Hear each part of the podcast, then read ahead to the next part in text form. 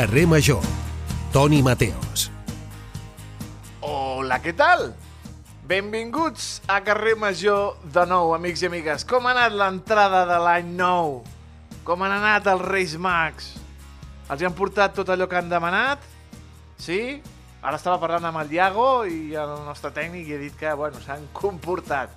Nosaltres, els de la ràdio, hem demanat la seva companyia i la seva fidelitat a la seva ràdio local un any més, a través de Ràdio Ciutat de Tarragona, Ràdio La Selva del Camp, Ona la Torre, Altafulla Ràdio, Ràdio Montblanc, Ràdio Hospitalet de l'Infant, la nova ràdio de Reus i Baix Camp Ràdio.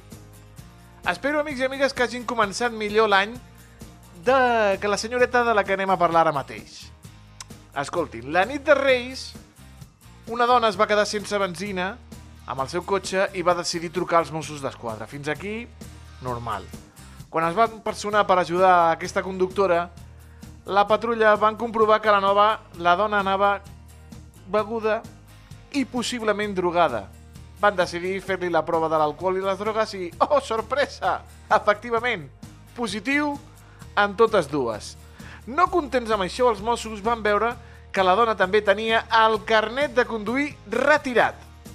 I ja per ficar la cirereta al pastís, a l'interior del cotxe anaven amb els seus fills de 4 i, i un anyet. Ojo! Amb els nens al cotxe i la mare beguda i drogada al volant. Havien anat a buscar els regals dels reis i la mare, doncs mira, els reis no va trobar, potser va trobar els camells. El premi a la mare de l'any no li donaran. Estem segurs. La cosa va acabar amb la dona detinguda i els menors que van ser recollits per l'avi. Quina cavalcada, eh? Ojo, eh? No troben? Qui també s'ho ha passat a tope aquests dies és l'Aleix Pérez, que avui té festa per recuperar-se. Ai, pobret. Qui no falla, amics i amigues, és el nostre tècnic, en Iago Moreno, un autèntic mag als controls. I qui els parla? Servidor de tots vostès, que estarà la propera hora, el Toni Mateos, que sóc... Han vist el meme de l'os desinflat que va per les cavalcades? Doncs aquest sóc jo. Benvinguts a Carrer Major.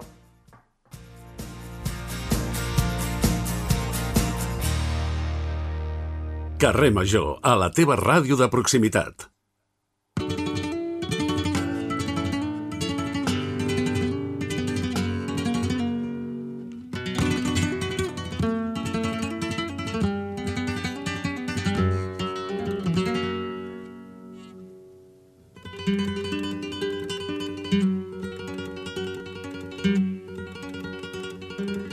Sé com va ser el seu any 2023, estimats oients del carrer Major, però pel nostre primer convidat de l'any, el 2023 podríem dir que va ser el millor any de la seva vida. Un 2023 on no ha parat de rebre reconeixements al seu treball, on ha pogut estrenar obres pròpies, on ha dirigit gales a festivals de flamenc, on ha trepitjat les millors taules dels prestigiosos tablaos de tot l'estat espanyol. I a més a més, amb un somriure als llavis. Estem parlant del ballarí i coreògraf tarragoní Joel Vargas, que el tenim, doncs mira, uh, assentat al cotxe. Joel, Hola, bona ¿qué tarda, com estàs? ¿Cómo estamos? Quin any, de, quin any 2023, eh, Joel? La verdad que sí, mucho, mucho ajetreo, mucho ajetreo, muchas cosas. Que, que li vas demanar als Reis de l'any passat perquè, mare de Déu senyor, quin any 2023 que has portat, Joel? Pues bueno, mucho, mucho trabajo al final, pues una cosa te lleva a la otra, yo creo. Y, y nada, solo pedía que, que no parase y efectivamente no he parado. Muy guay, muy guay. Com portes els peus? Bien, mira, pues he descansado tres días y la verdad que muy bien, la verdad que sí. Ah, sempre, sempre això, això s'agraeix. Escolta'm, Joel, Duelen, ¿eh? Pero está bien. Sí, home, i tant, sempre, sempre. Eh, si poguessis viatjar en el temps, imagina't que t'apareix allà el cotxe del Regreso al Futuro eh, i Sí. pots viatjar en el temps, què li diries, per exemple, al Joel quan tenia 3 anys i va descobrir el, el món del flamenc? Què li diries? Bueno, pues que es, es un mundo, es un mundo duro, es un mundo con mucho compromiso, es un, es un mundo que tiene mucha dedicación. Eh, posiblemente eso el, el- ese niño de tres años no lo sabía. Pero sí que es verdad, mm, mm, lo que sí que sigue durando de esa misma sensación de cuando yo tenía tres años, la sensación esa de que, de que cuando bailo pues el mundo se paraliza, de que hay momentos que son únicos, compañeros que son eh, una pasada, entonces al final pues esa, esa dedicación que tú, esa constancia que tú tienes a esa profesión, ese arte, pues al final siempre es recompensada. Entonces los lo hace encantado, lo, lo haces encantado, la verdad que sí. Mhm. Com van ser els inicis eh, quan ja vas dir allò de mamà, papà, quiero ser bailador? Uh, això van ser amb 9 anys, no? Més o menys? Sí, sí, sí, yo mm, eso, empiezo con academias, empiezo a formarme poco a poco con el flamenco y, y luego pues, pues llega la decisión de, pues, de formarse ya como, como profesional, ¿no? Poco a poco desde los cursos más, más básicos. Pero, pero claro, yo lo tenía muy claro. Yo siempre lo he visto como un juego hasta que he visto que al final era lo que me motivaba cada día mm, de mi vida. I Tarragona és una ciutat flamenca? Sí, o sea, tú piensas que, que Cataluña al final tiene una herencia, todos los andaluces que migraron para acá, eh, y, yo creo que hay mucho, mucho, mucho, mucho que escucha el flamenco, mucho que lo baila, mucho que lo toca, eh, ya te digo, fiestas, eh, Siempre. Yo he visto, yo he visto en barrios eh, donde me he criado yo festivales de academias, todo lleno de flamenco. Entonces, yo creo que sí, que Cataluña y Tarragona es flamenca. Es una plaza flamenca, realmente. O sigui, no, no, eh, Catalunya és una, una plaça flamenca, però clar, la, la, la ciutat de Tarragona potser dius... Però és que vas haver No, de sí. viatjar eh, per créixer, vas haver de viatjar per aprendre i, i, has, i, has, i has hagut de ballar i d'aprendre de, dels més grans, de l'Antonio Canales, de la Belén López, de la Lupi, de José Lindio... Com van ser aquests, eh, el, el Joel Petit al costat d'aquests grans de, del flamenco? Yo me acuerdo que siempre como les pillaba como un poco la, la esencia. Ya no era solo un paso o, o lo que pusiesen de material técnico en esa clase. Yo me acuerdo que, mm, que al final iba pues a una clase de Antonio Canales o, o de todos estos artistas que han, han seguido como aportando su granito de arena a mi pedazo de castillo eh, y siempre me quedaba con pues cómo explicaban, cómo miraban, eh, cómo se vestían, cómo se ponían las botas, ¿sabes? Entonces, pues desde chiquitito me, me he fijado mucho en cómo eran los artistas, no solo en lo que enseñaban. Home, eh, això no hauria estat possible sense els pares, no? Que quan els dius allò de Sí. Mama, papá, que me tengo que ir a Madrid a una masterclass de Antonio Canales, que está por aquí, ai, pues vinga, cotxe o tren cap a, cap a Madrid o cap a on sigui, no? Ahí está. Tú piensas que, que ellos, por ejemplo, utilizaban las vacaciones, es decir, se iban a Madrid, ¿no? Pues yo me iba con ellos, de pequeño, naturalmente con sus padres, y, yo aprovechaba y si había un cursillo allí en esa ciudad, pues no te digo en Amor de Dios, que es un centro de referencia, o en Granada, eh, aprovechaba para subirme en las cuevas, para, para bailar, para aprender. Entonces, pues, pues de chiquitito esos viajes los he aprovechado mucho. Y ya ves tú, ellos encantados lo han hecho conmigo y me han acompañado a todo. A todo, a todo. I després vas entrar a la- al- a l'escola de, de, de, de teatre de Catalunya, sí. i, Sí. a l'Institut del Teatre de Catalunya, a, al flamenco, i, i vas entrar també molt jovenet. Sí, yo entré con la edad de 13 años, entré al conservatorio. Ya cuando tuve un- la edad esa de, ya he crecido un poco, se puede ir y venir de Tarragona a Barcelona, y lo que hacía era eso. Yo estuve estudiando el conservatorio y el instituto y el bachillerato, yendo y viniendo de Tarragona a Barcelona cada día, y nada, un poco, pues eso, a vivir la vida. Quina alegria, no? El, uh, quin, quins records de viatges en tren, no? Quina alegria de perdre... Sí, sí, sí, sí, sí, sí. Sí, yo allí he vivido momentos, ya te digo, únicos, únicos, únicos, únicos. y volvería a pasar por ahí, ya te digo, momentos de mucho sudor, mucho esfuerzo también de estudiar, de, de tantos maestros, pero pasaría por ahí porque és una experiència superbonita. Mm -hmm. Premis a tot l'estat, eh, Joel, però també premis internacionals. Eh, tu que has viatjat per tot el món eh, i has trepitjat diverses taules de, de, de grans escenaris, com veuen el flamenc eh, a, als estrangers? Mira, yo siempre que, que me preguntan así cosas de, de, fuera, de cómo lo viven y tal, yo siempre digo que el flamenco es como un idioma universal. ¿Vale? Yo a lo mejor estoy en, en América o estoy en China y no entienden el español. Uh -huh. Y aún así tú estás expresando lo que... Es decir, se entiende perfectamente. O sea, yo a ellos les les sé contar sin que me entiendan.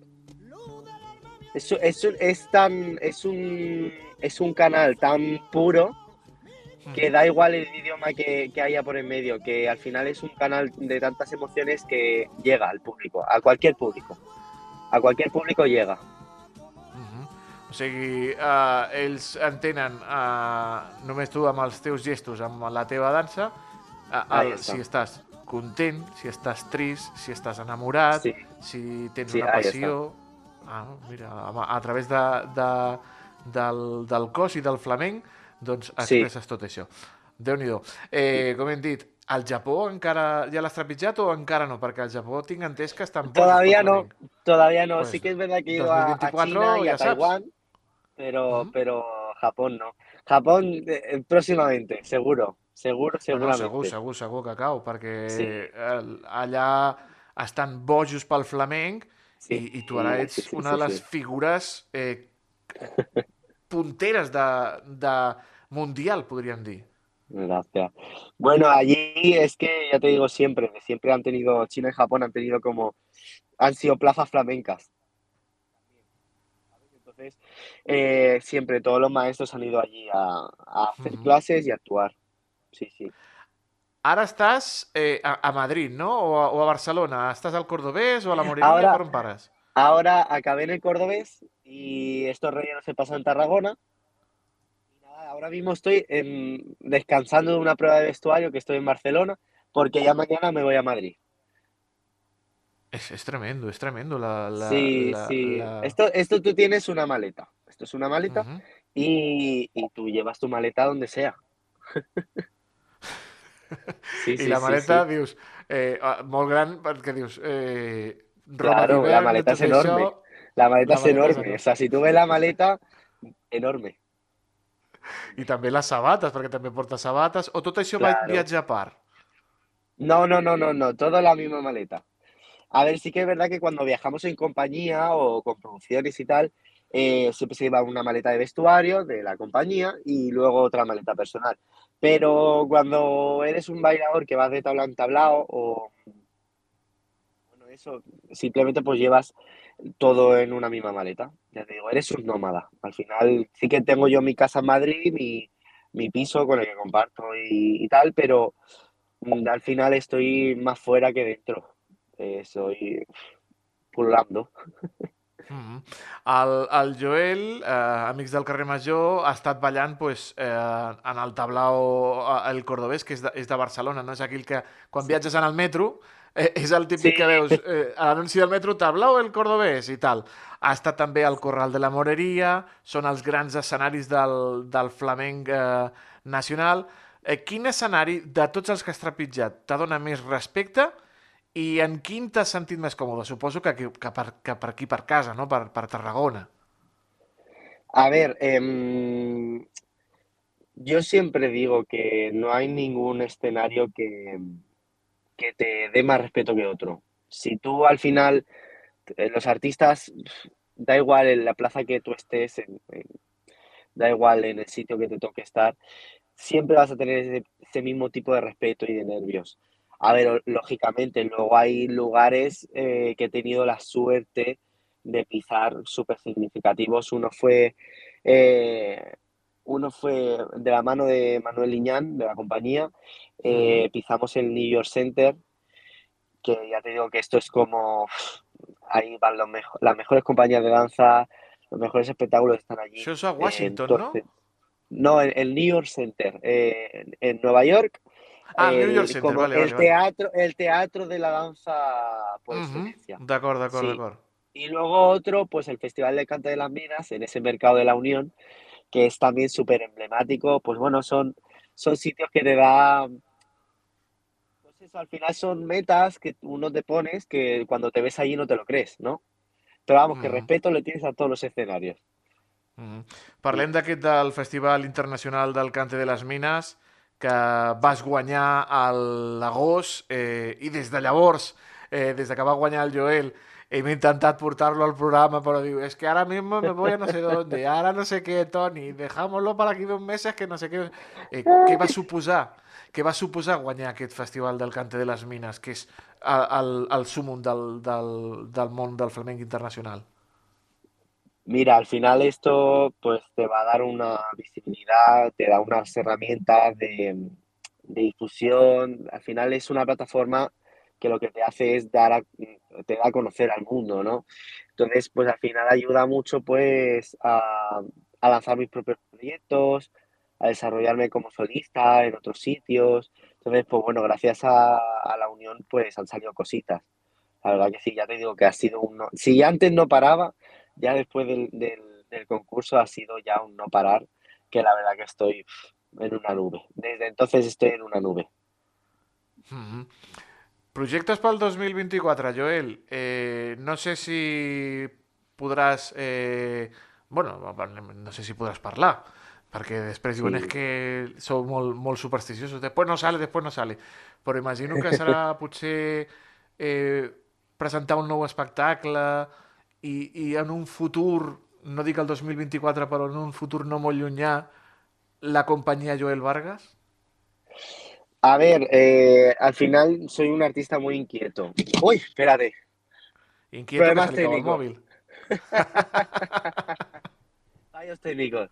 Eh, nada, soy un artista muy inquieto, entonces eh, siempre como que intento ir creando, ir teniendo, ir sanando como un poco esas, pues me apetece hablar de esto, me apetece hablar, me apetece hacer, trabajar con esta persona. Entonces, bueno, siempre como que he sido, me he escuchado mucho a mí mismo, he ido haciendo mis propias creaciones. Eh, me voy a encontrar ahora mismo que voy a terminar de, de una residencia creativa. Entonces voy a preestrenar un, un primer esbozo de lo que podría ser un espectáculo mío. Eh, luego también tengo otros proyectos con una orquesta dirigida por Antonio Hernández, que hacemos una gira nacional que termina en el Escorial. Eh, con el tablao, con la compañía de Manuel Liñán. Eh, al final son muchos proyectos los que tengo, los que tengo encima. Y al final, pues mira, pues si dentro de un tiempo puedo seguir trabajando con mis propias creaciones, la verdad que sería un, un sueño. Lo importante es no parar y, y sentirse uno bien, que yo me siento bien bailando y, y ya está. Lo importante es no parar. Això és l'important, l'important és no parar. Eh, Joel Vargas, te deixem que tornis a les proves de vestuari, que se fan molt pesades, Som- sem- ja ho saps, allò de... Ai, ara que sí esta camisa, ara que sí este pantalón. Y- A ver, la bata... no, eh, pero la bien, lo llevo bien, lo llevo bien. Bueno, bata de cola, tu has portat bata de cola també, en, en algun Sí, sí, espectacle. sí. Mira, justo, justo. Sí, sí, sí, sí. I uh, tu, el que t'he dit per telèfon, que ens deus una entrevista presencial, Sí, quan, tornis, sí, sí, quan sí, vagis al Japó, quan Sí. vagis al Japó, quan tornis del Japó, la, la, Vinga. ho parlem. Perfecto, Vargas. perfecto. Una abraçada molt gran i moltíssimes gràcies. Gràcies a vosaltres. Merci. Una abraçada, gràcies. Crec. Doncs, merci. Estàs escoltant Carrer Major. en una mansió de les que el temps ha guarnit s'ha trobat arraconat un quadre gegantí molt a prop a un dit de pols en un manuscrit una vella inspiració reviu el seu desig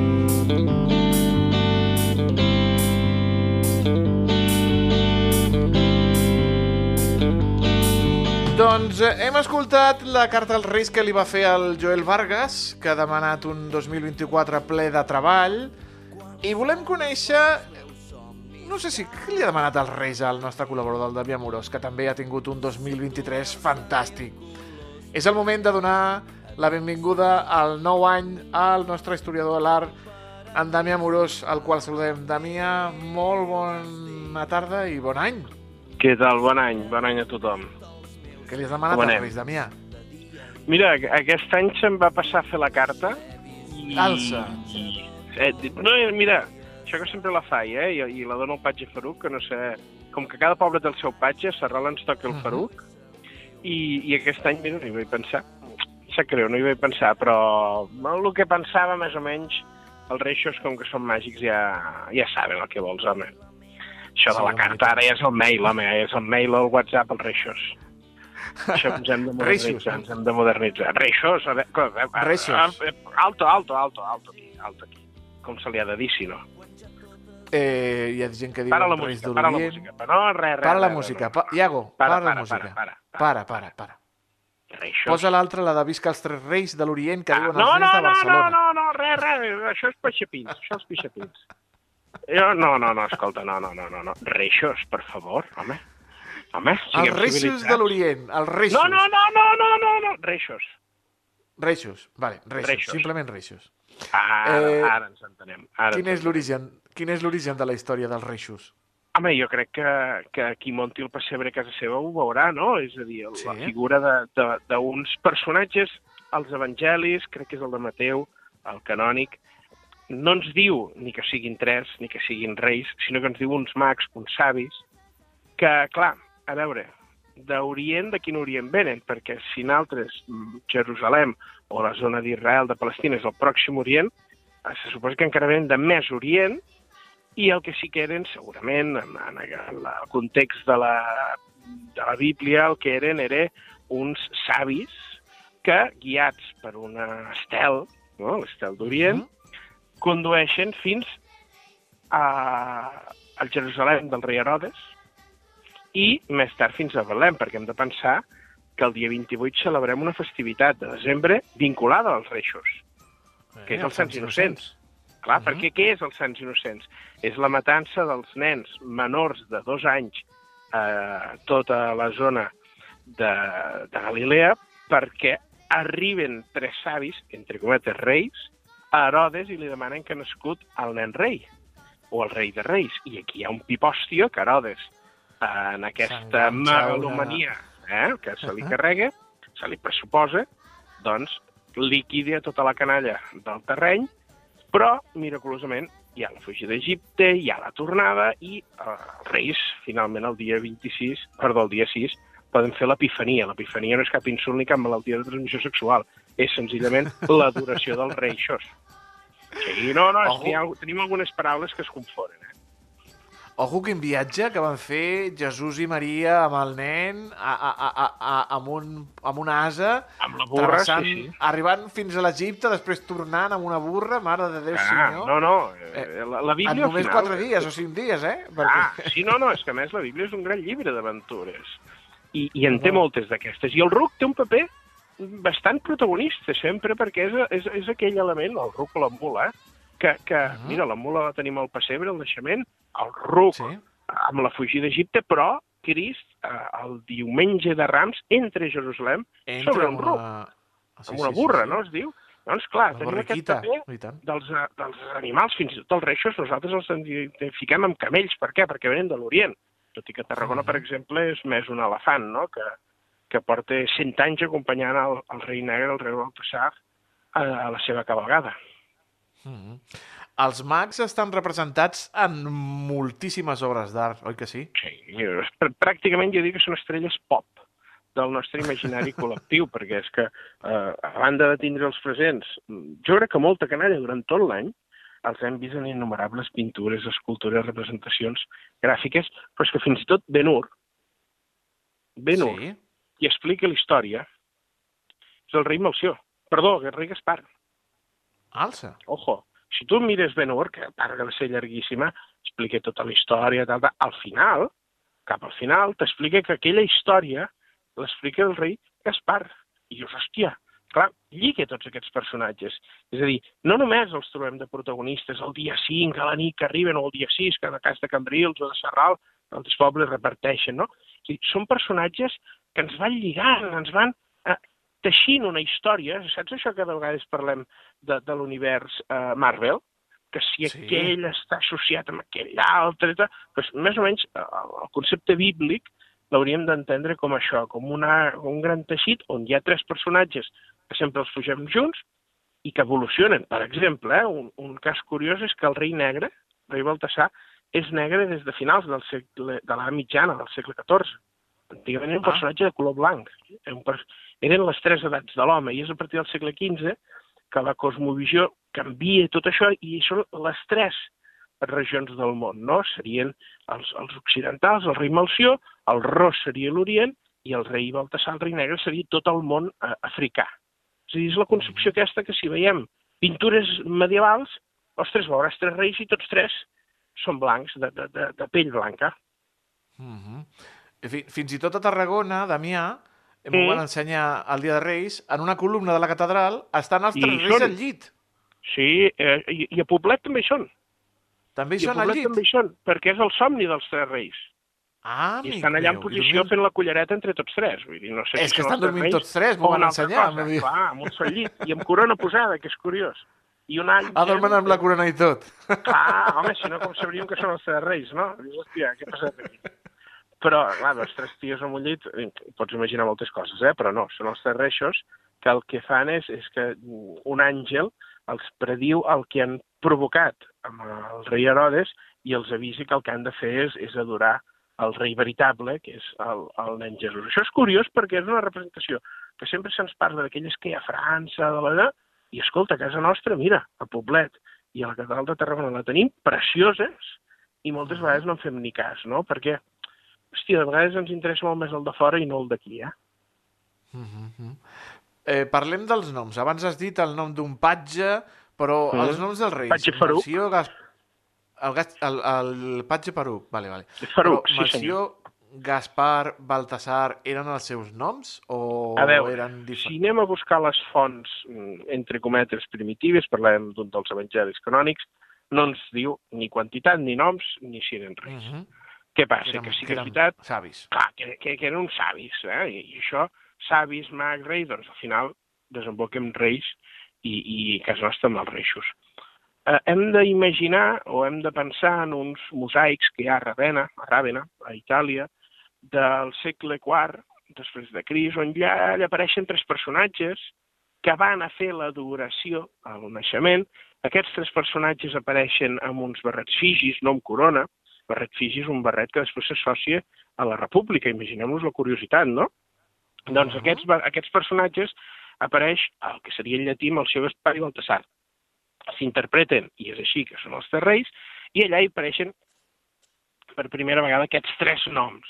Així que el, el fet de batejar-los amb noms els tenim d'aquí. També és veritat que les seves relíquies es conserven, són a, són a Colònia, a la catedral de Colònia, hi ha una gran urna eh, d'or on a dins hi ha les relíquies dels reis, i allà també apareixen no? Melchior, Gasparus, amb Baltasarcs, i serien aquesta tradició dels noms que s'ha anat afiançant al llarg dels segles, al llarg des del segle IV fins als nostres dies, amb aquesta tradició que, que a l'estat espanyol es conserva molt. Jo recordo haver estat un dia de reixos a, a Portugal i, i menjaven una espècie com de tortell, però no celebraven la personificació o l'arribada dels reis. Sí que és veritat que hi ha poblacions, i ara s'ha fet popular aquests dies per Twitter, a Portugal que el que fan és deixen fumar a crios. Els nens, sí, I- sí, sí, és molt i els popular. allà amb, Sí, sí. amb el Ducado es foten unes escalades de, de campionat, no? Més que aquelles del Caliquenyo. Però, ostres, és la seva tradició. No és bona, ja, però és la seva tradició. És la seva tradició, i tant, i tant, i Mm. tant que sí. I aquí la tradició és les cavalcades, que no sempre han existit les cavalcades. No, no, no. eh, Fa, com aquell que diu, uns 120, 150 anys com a al, màxim. Al camp de Tarragona, al camp de Tarragona les podíem acotar a principis del segle XX. Les A primeres, òbviament, Tarragona, Reus, Montblanc, hi ha, hi ha notícia d'ara farà prop de, de fa 100 anys, on, on encara, a Montblanc és un cas curiós, ara, jo aquest any veig, veig, no sé si la sort o la desgràcia d'estar a Montblanc veient la, la, la cavalgada, i, i hi havia una xaranga, però sí que és cert que la música tradicional dels Reixos en Blanc és la marxa turca de Mozart, no? Aquell lloc que et posen al telèfon quan t'esperes... Na, na, na, na, na, na, na, na, na, na, na, na.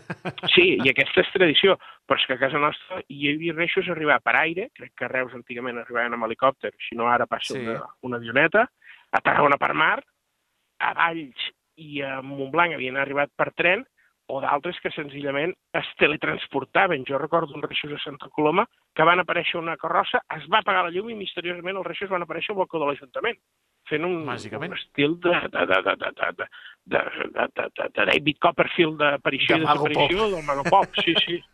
Una cosa extraordinària.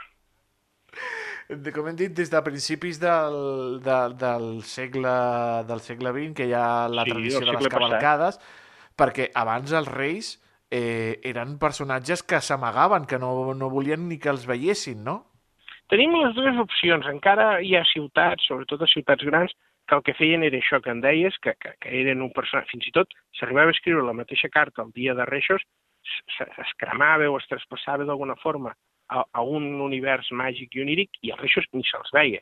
Senzillament s'havien arribat a fer alguna representació d'un misteri de Reis, que aquest any s'ha recuperat a l'Església del Pi de Barcelona, però sí que és cert que a finals del segle XVIII, principis del XIX, quasi 100 anys abans del que considerem que són les primeres aparicions dels reixos, sí que uns personatges, podríem dir semblants, comencen a aparèixer algunes vegades en un- alguns espais religiosos o, o de vinculació catòlica.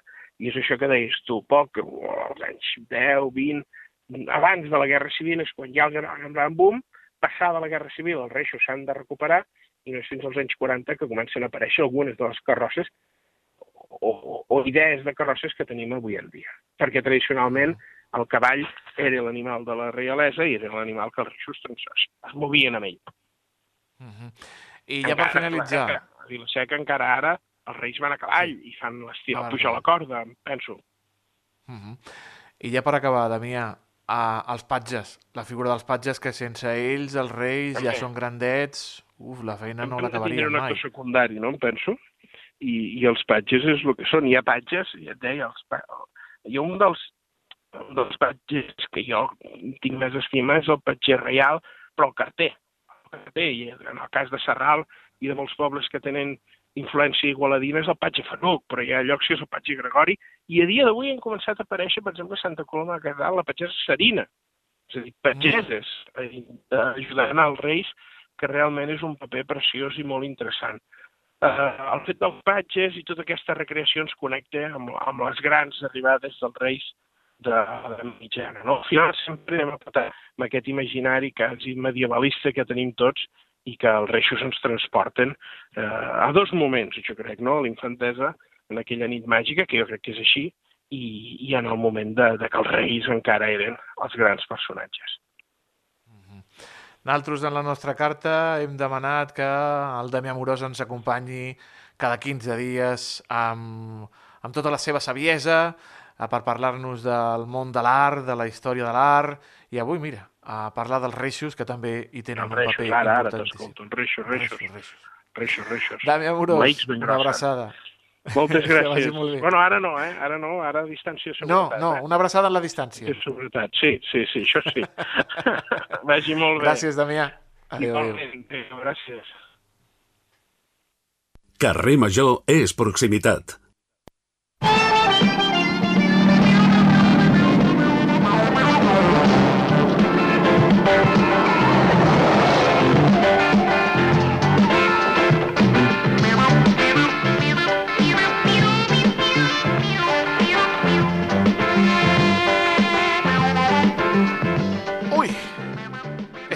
Esteu quejats, amics i amigues. Molts estaran pensant, això és Movie Records? Això és la... No, no, no, no. És la banda sonora, la, la intro d'aquesta sèrie mítica. Una de les parelles més famoses de la televisió a la dècada dels 70 van ser la formada per dos detectius de policia, David Starkey i el Ross, que era en Kenneth Hutchinson, conegut com a Hutch, dos tipus que es van convertir en autèntics trencacors en aquella època. La sèrie tenia com a senya d'identitat principal, per diferenciar-se de la resta, la relació d'amistat i de col·legues dels dos protagonistes, més enllà de la relació laboral que tenien com a policies. Els casos que resolien Stark i Hatch eren força violents, amb tirotejos i persecucions de cotxes molt espectaculars i si afegim, a més a més, un cotxe atractiu i vistós i secundaris brillants que reflectien perfectament l'estil dels 70, l'èxit de la sèrie estava assegurat.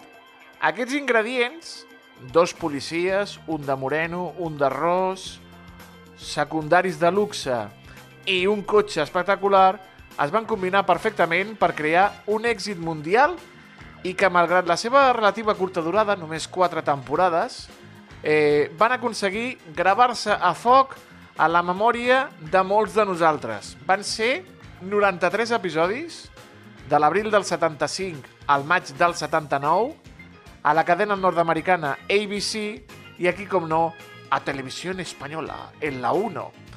El carisma de la sèrie, com hem dit, provenia principalment de l'atractiu dels dos eh, joves protagonistes, especialment del Ross, d'en David Soul, en Hatch, que amb la seva foto ocupava gairebé les portades de les carpetes de les noies adolescents de la dècada dels 70. Després arribarien doncs, altres ídols que el van treure a David Soul.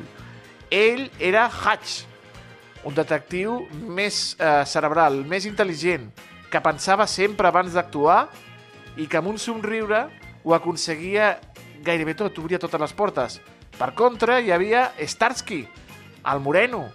Era més violent, li agradava barallar-se i, a més a més, era el propietari de l'altre gran protagonista de la sèrie, el cotxe, el tercer protagonista, un Ford Gran Torino del 75, color vermell, amb una franja blanca als laterals. Ai, qui l'enganxés. El vehicle tenia un paper primordial a la sèrie i no hi havia episodi en què no perseguís un altre vehicle o fos perseguit amb les habituals dosis de derrapades i de trompos espectaculars. No cal dir que la quantitat de cotxes que es van destrossar durant el rodatge era enorme, ja que no sempre totes les preses sortien a la primera i s'havien de repetir i buscar doncs, un cotxe substitut. Fins i tot, al principi de la sèrie es va fer un càsting per escollir el cotxe dels protagonistes, sí, sí. Es van presentar totes les grans marques americanes amb els seus models més esportius i trencadors i, com hem dit, al final va guanyar el Ford Torino del 75, que va ser printat expressament de color vermell llampant amb una ratlla blanca de banda a banda. Durant el rodatge de Stark i Hatch de les quatre temporades es van gastar 7 Fords Torinos. Sí, sí.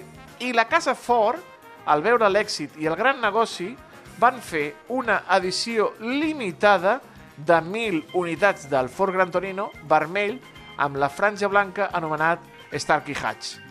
Fa uns anys, un d'aquests cotxes, signat pels actors, es va vendre als Estats Units per només 35.000 euros. Una peça que és un Ford Torino, una ganga, una ganga pels col·leccionistes. A banda dels dos protagonistes i el cotxe, hem dit que hi havia secundaris de luxe i també hi havia en Huggy Bear, el confident de Starkey Hatch, interpretant per el comediant Antonio Fargas, que amb la seva pinta xulesca dels 70, on lluïa vestimentes molt estrafalàries per fer de xivato de la policia, ficava el seu punt d'humor a aquesta sèrie policíaca. Finalment, després de quatre temporades, on els episodis eren bastant repetitius, on el Paul Michael Glaser, que era l'actor que feia de, de Starsky, eh, sempre demanava més diners, també demanava que li canviessin els guions perquè els trobava molt buits, doncs la sèrie es va cancel·lar. Però què va passar llavors amb els actors, amics i amigues? Comencem pel Moreno, pel Paul Michael Glaser. Després de la cancel·lació de la sèrie, es va casar amb Elizabeth Meyers al 1980. Un any després de la boda, mentre donava llum a la seva filla Ariel, la Elizabeth va patir una greu hemorràgia per la qual va necessitar una transfusió de sang molt gran. Quatre anys més tard, la nena, l'Ariel, va començar a emmalaltir sense que els metges ens descobrissin els motius. En aquell moment, hi havia una malaltia desconeguda anomenada SIDA que feia estralls principalment dins de la comunitat gay. Recordem l'actor eh, Rock Hudson, que va morir el 1985. Els metges van decidir fer la prova del VIH a la nena i va donar positiu. Igual que la mare i el segon fill de la parella, nascut al Jake el 1984. Afortunadament, el pare no havia estat infectat. Mare i filla van morir a causa de la sida adquirida per aquesta transfusió anys després. Paul, el Paul Michael Glasser, va crear una fundació per la lluita contra aquesta malaltia que porta el nom d'Elizabeth Glasser, la que va ser la seva esposa. I el Ross, el, el David Soul, el David Soul havia provat sort en el món de la música i no li va anar del tot malament, amics i amigues. Va gravar 5 discos i algunes de les seves cançons van ser número 1 a la dècada dels 70. Després de la cancel·lació de la sèrie, va caure en el món de l'alcoholisme i de les drogues. Va passar una temporada a la presó per maltractaments a la seva parella, es va rehabilitar, va demanar disculpes i finalment es va retirar a viure al Regne Unit amb una caseta molt humil amb els estalvis. Per problemes econòmics, David Soul va vendre els seus drets sobre la sèrie, que ara l'haurien fet milionari perquè es va, eh, amb les contínues remissions de Sarky Hatch, doncs mira, hauria guanyat uns diners. El va malvendre els drets. Va patir un càncer i després de lluitar contra ell, en David Soul va morir el passat eh, dia 4 de gener als 80 anys d'edat. Per això, avui als Tonis hem parlat de Starsky i Hatch.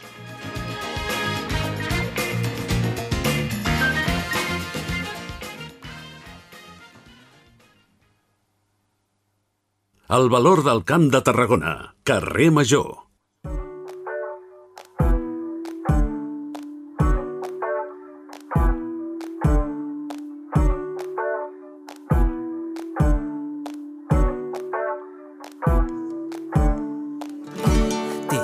Cel aquesta nit entre els edificis. Estaves de perfil posant en un retrat fictici.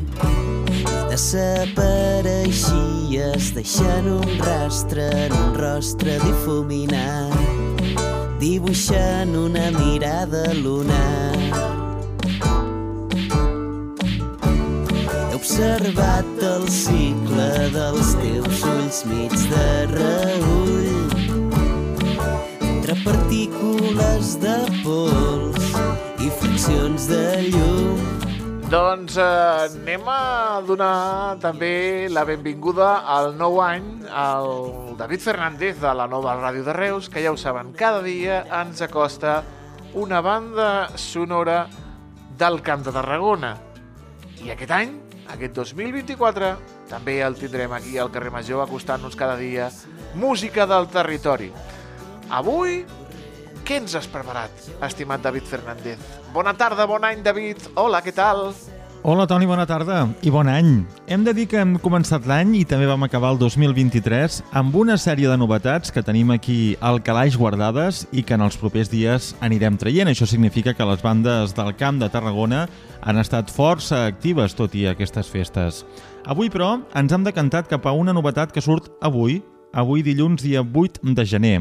Fem parada a Reus per escoltar la nova música d'en Franqui Boronat, aquest músic que va editar dos discos amb els Plombiers, però que l'any passat va començar la seva trajectòria en solitari. Una trajectòria amb la qual doncs, es dedica a presentar-nos cançons, senzill a senzill, les quals es poden trobar a les plataformes. L'any passat ens va estrenar les cançons de l'EP Període d'Expansió i ara, des d'avui, està estrenant les cançons que aniran dintre del treball anomenat El cicle dels teus ulls. Aquesta cançó que estem escoltant és el primer senzill, es diu Illes Submarines i explica doncs, que s'han registrat a l'Opi Estudi i que ha comptat amb la producció del músic també reusenc Lito Guacamé. De fet, en Franqui Boronat ara està immers en presentar aquest nou projecte, aquest El cicle dels teus ulls, i explica que el primer concert serà el proper 14 de gener a Lleida, un concert acústic a les 8 del vespre a la cerveseria i botiga de vinils Grans Records de Lleida. A partir d'aquí, ja ha anunciat altres concerts a Valls el 27 de gener, a Tarragona el 9 de febrer, a la seva ciutat a Reus el dia 22 de febrer i el 3 de març, i també té un altre bolo a Maldà el dia 16 de març. Doncs ja ho veieu, una bona pila d'ocasions per tal de veure aquest músic reusenc amb el seu projecte en solitari i on presentarà les cançons d'aquest El cicle dels teus ulls. Avui, doncs, Franqui Boronat és la banda sonora del dia del carrer Major.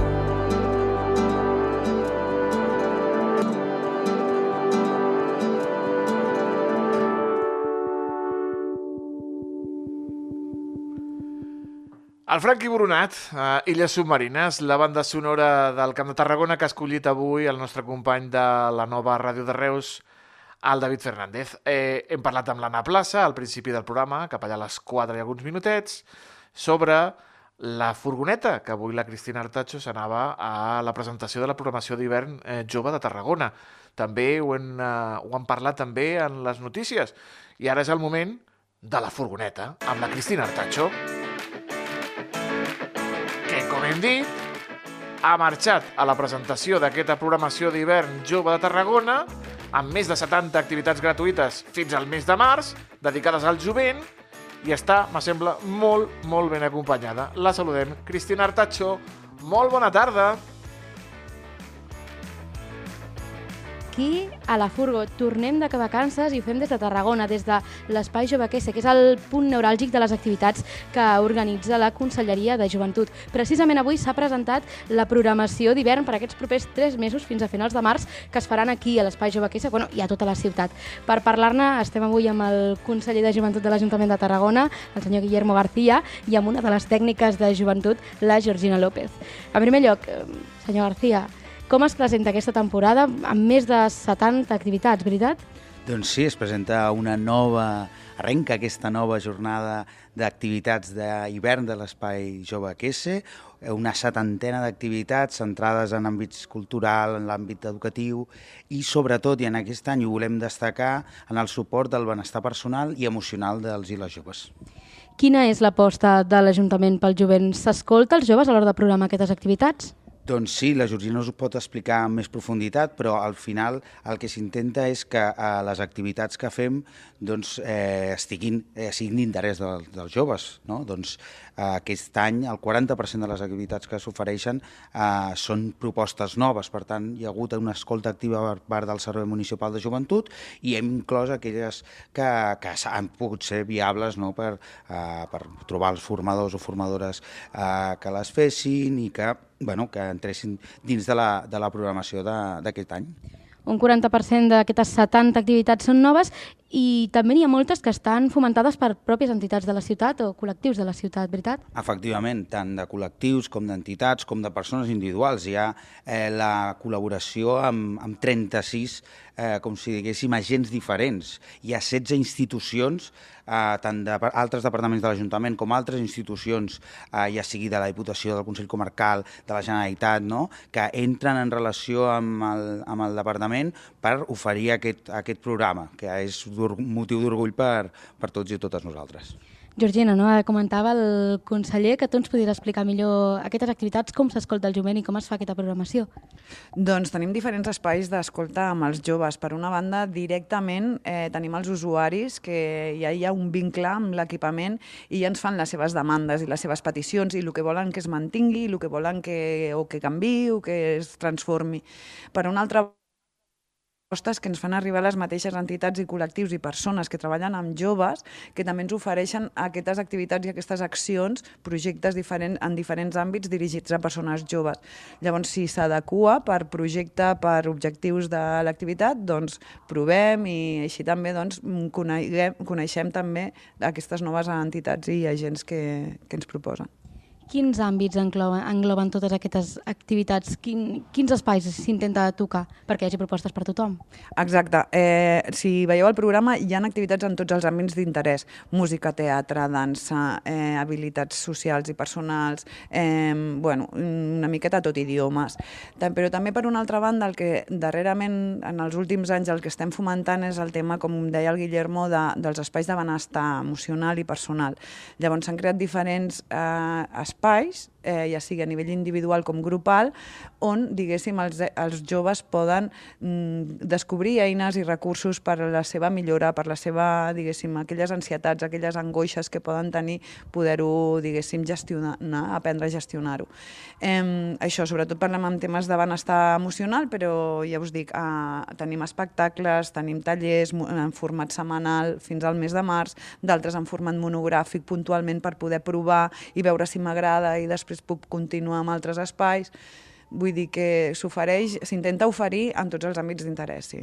Ens pots destacar allò, alguna activitat, no, Georgina, o bé el conseller, alguna activitat que considereu especialment interessant no, pel jovent? Sí, sí, sí. Sí? Ja, començo jo i després que segueixi la Georgina, que estem, jo crec que bastant, bastant ben coordinats.